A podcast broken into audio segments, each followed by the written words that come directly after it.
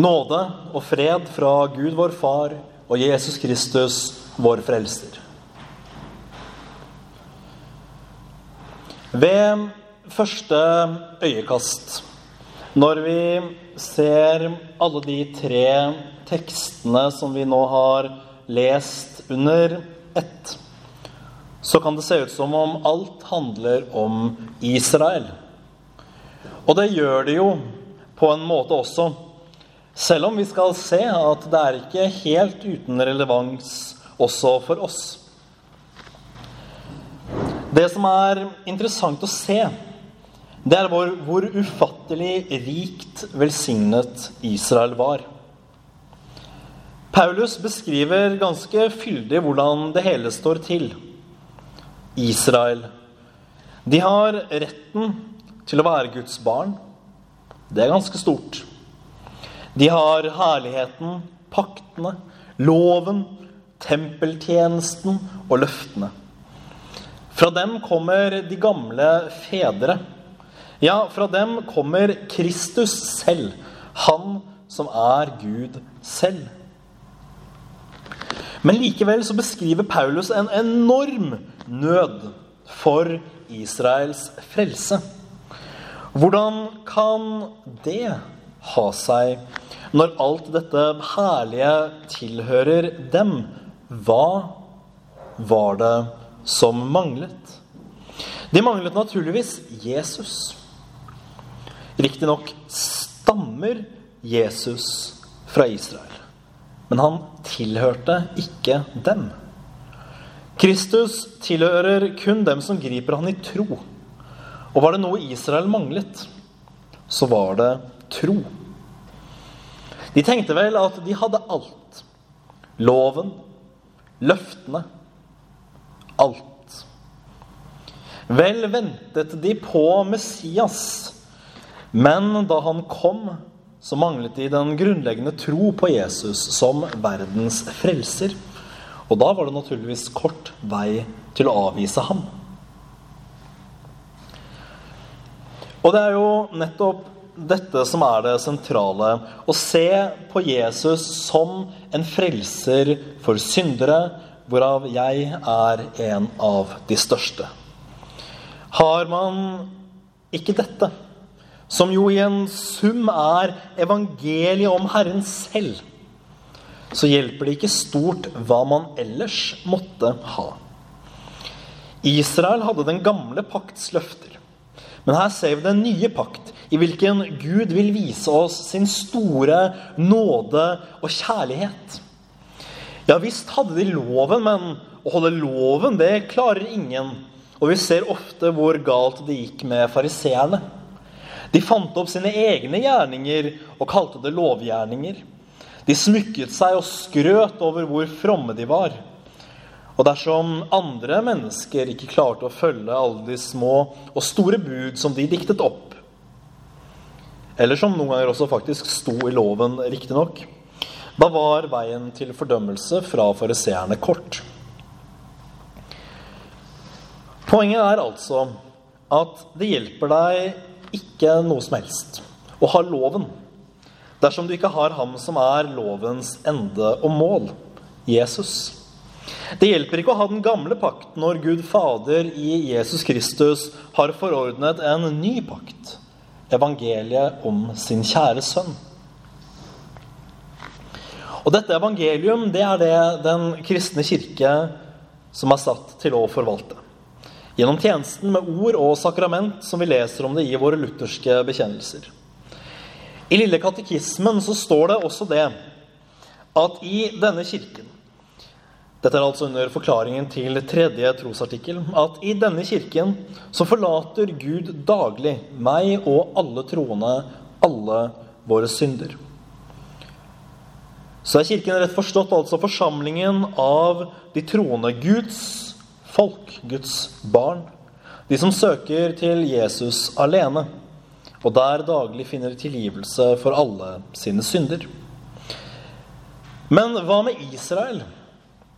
Vitner ikke hele Det gamle testamentet om at Israel er Guds utvalgte folk, kalt av ham på en særskilt måte?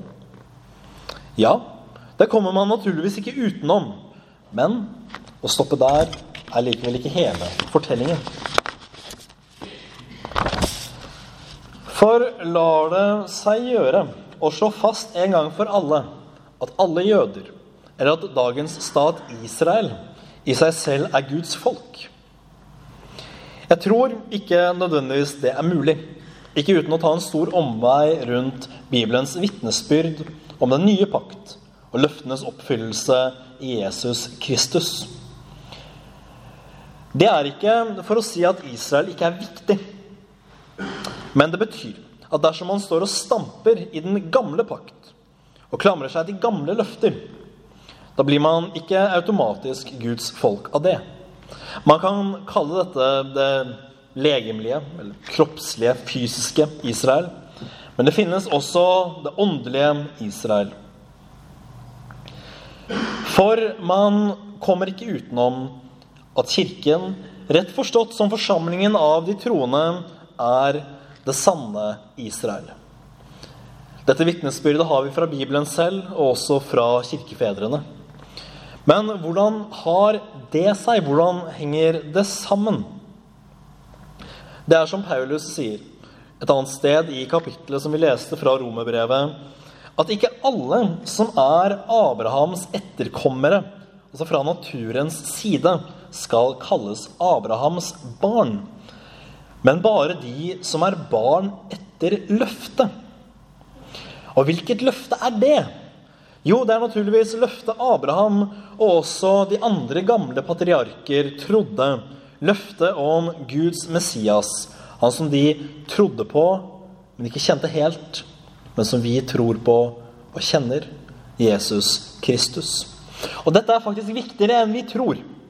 For når vi har dette klart for oss, så ser vi på den ene siden hvordan kristendommens jødiske grunnlag er viktig. Farlig å gå bort fra det. Samtidig som vi ikke roter oss inn i mye usunn israelsteologi, som er vanlig i noen sammenhenger i våre dager. Kirken er det rette Israel, ikke fordi den har tatt over, men fordi den står i kontinuitet med de gamle fedre fra eldgammel tid. Kirken forvalter troen på Abrahams, Isaks og Jakobs Gud, fedrenes Gud og hans elskede sønn Jesus Kristus og evangeliet om ham. Og inn på dette kirkens tre podes også hedningene. Altså hedninger da forstått i ordets rette betydning eh, alle de som ikke er etniske jøder. Altså så, så, vidt jeg vet, i alle fall. De fleste av oss som er her i dag. Gud forholder seg ikke annerledes til jøder eller hedninger. Alle er under den samme lov og dom. Men alle tilbys også den samme nåde i Jesus Kristus. Det er, som Paulus sier, det er ikke jøde eller greker. I den nye pakts herlige kirke er vi ett folk. Da forstår vi også kanskje Paulus' store nød. Når han sier at han gjerne skulle vært skilt for Kristus, forbannet hvis det kunne være til gagn for hans folk, så de kunne bli frelst og finne sannheten. Det er ganske intenst. Så stor er hans nød for sitt eget folk, jødene, fordi de har avvist Kristus. Det finnes, som Skriften sier, ikke noe annet navn på himmel og jord som det finnes frelse i. Og det er altså det vi må holde fast ved. For det er i dette Gud viser oss sin store faderlige omsorg. Det er også dette bildet Jesus bruker når han snakker om seg selv som en høne som samler kyllingene under sine vinger. For et bilde! Det er jo helt fantastisk. Vi kan klart se det for oss. Den standhaftige hønemor med sine store vinger som dekker alle sine kyllinger, og jager bort katter og rever og alt som er. For et fantastisk bilde på Guds omsorg. Det er jo det, er, det er jo det det er et bilde på, ikke noe annet. Akkurat denne teksten har blitt brukt som en alibitekst for å fremme argumenter om at man kan begynne å kalle Gud for hund. Siden det er så vanlig, så vil jeg bare si noen ord om det. Og det er naturligvis å strekke teksten til det ugjenkjennelige og bør ikke gjøres. Men som et bilde på Guds omsorg så er den perfekt. Gud har skapt oss. Men han lar det ikke være med det. I alt oppholder han oss og gir oss det vi trenger for å leve. Alt vi har, og alt vi får, er gaver fra Herren. Både det legemlige, som mat, familie, venner, klær, arbeid og slike ting, men naturligvis også det åndelige. I Jesus Kristus har Gud kalt oss ut av mørket og inn i sitt underfulle lys.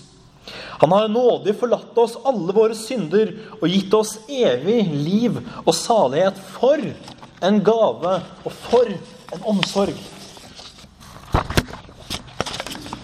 Men hva gjør vi egentlig med denne gaven? Stadig gjør vi opprør på det mest voldsomme mot Ham som er vår far, Han som har skapt oss og gir oss livet og alle gode gaver. Jesus ble sendt til oss, naglet til korset for våre synder, og hva gjør vi med det? Vrange barn som vi er, fortsetter vi i våre synder. Da snakker, jeg, da snakker jeg ikke om de synder som vi kjemper mot og hater, som kanskje gjør at vi faller gang på gang, men som vi likevel angrer.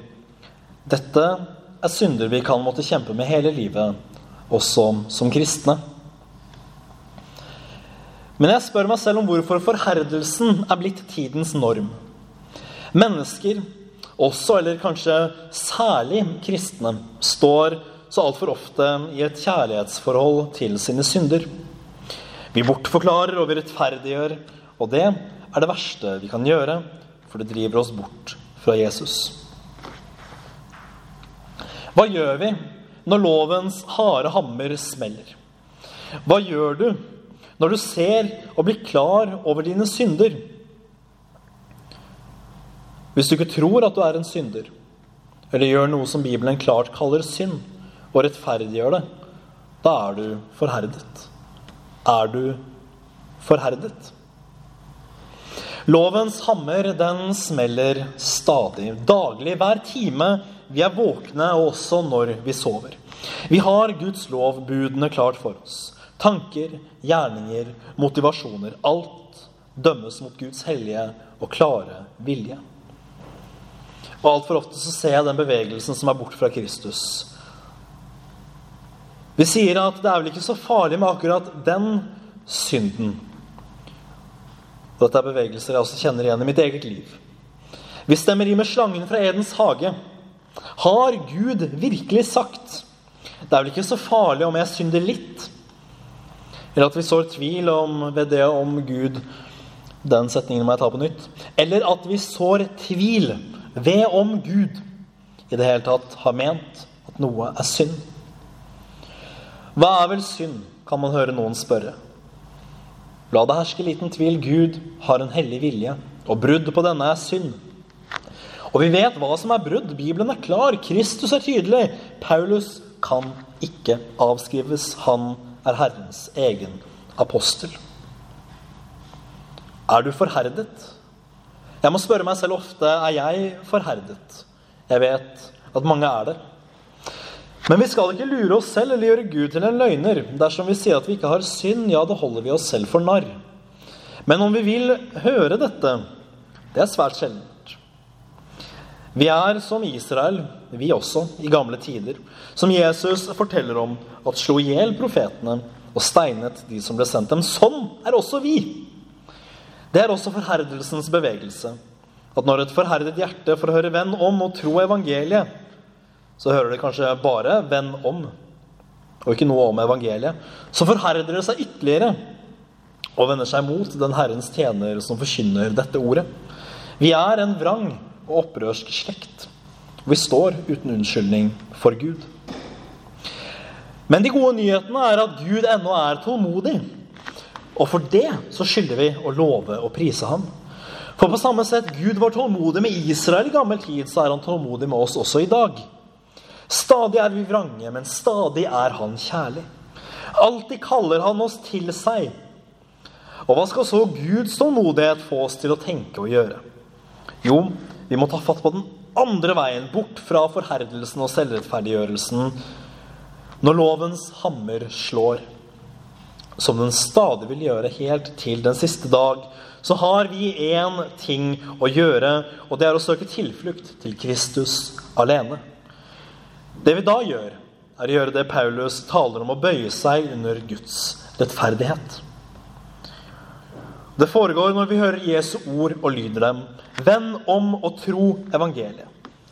For det første erkjenner vi at vi er syndere.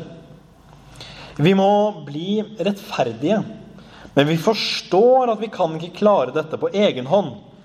I oss selv og våre egne gjerninger finnes det ikke den rettferdighet vi trenger. Vi er nødt til å gå et annet sted. Det vi videre erkjenner, er at Guds målestokk for rettferdighet er god og sann. Har Gud sagt at noe er godt, så er det godt. Har Gud sagt at noe er ondt, ja, da er det også sannelig slik. Vi kan ikke og vi må ikke vri og vende på Guds ord, slik som mange har for vane i dag. Gud er sannheten selv, den samme i går, i dag og til evig tid. Han kan ikke lyve, ta feil eller endre mening. Det siste punktet om å bøye seg med Guds rettferdighet er det viktigste. Når vi har skjønt at vi ikke selv kan bli rettferdige eller vri om Guds rettferdighet til å passe oss, da har vi én ting å gjøre, og det er å søke tilflukt under det hellige kors. For Der dekkes vi av Jesu blod. Det er den sanne og rette bevegelse som syndens erkjennelse skal virke i oss. Vi kan ikke oppnå dette selv, det kan jeg ikke understreke nok. For i oss så bor syndens fordervelse, og vi kan ikke vri om på Guds lov vi står svake og skyldige i møte med lovens krav. Men Bibelen sier at da Jesus Kristus døde på korset, så naglet han skyldbrevet som var skrevet mot oss, opp der sammen med seg. I Jesu hellige død og oppstandelse så har vi tilgivelse for syndene når vi tror på dette. At Jesus døde for syndere, og at jeg er en synder, altså døde han for meg. Da får vi også del i Guds rettferdighet, den vi må bøye oss under. Dette er så viktig, for dette er hele evangeliet. Aldri må vi gå en annen vei enn denne, den som leder oss til korset. Alle andre veier leder til avgrunn og fortapelse, men ved korset, på korset, finner vi nåde og forsoning med Gud. Dette er den største gaven som Herren kunne gitt oss. Likevel vekker det anstøt ofte for jeg hører at jeg bare forkynner synd, dom og mer synd. Og jeg undres ved det, om det da bare er halve prekenen som blir hørt. Var det ikke synd, så fantes det heller ikke tilgivelse. Var det ikke dom, så fantes det heller ikke nåde. Men nå er det ikke bare synd og dom, det er tilgivelse og nåde. Og dette er den store gaven som Herren har gitt oss at da Jesus Kristus en gang for alle ga sitt liv på korset Gud være lovet for dette hellige og herlige evangelium. At Jesus alene er vår grunn til frelse og salighet. Dette er Guds gave. Dette er Kirkens skatt. Og må vi stadig love Gud for denne gaven og aldri, aldri legge lokk på denne skatt. Ære være Faderen og Sønnen og Den hellige ånd, som var, er og blir en sann Gud, fra evighet og til evighet. Amen.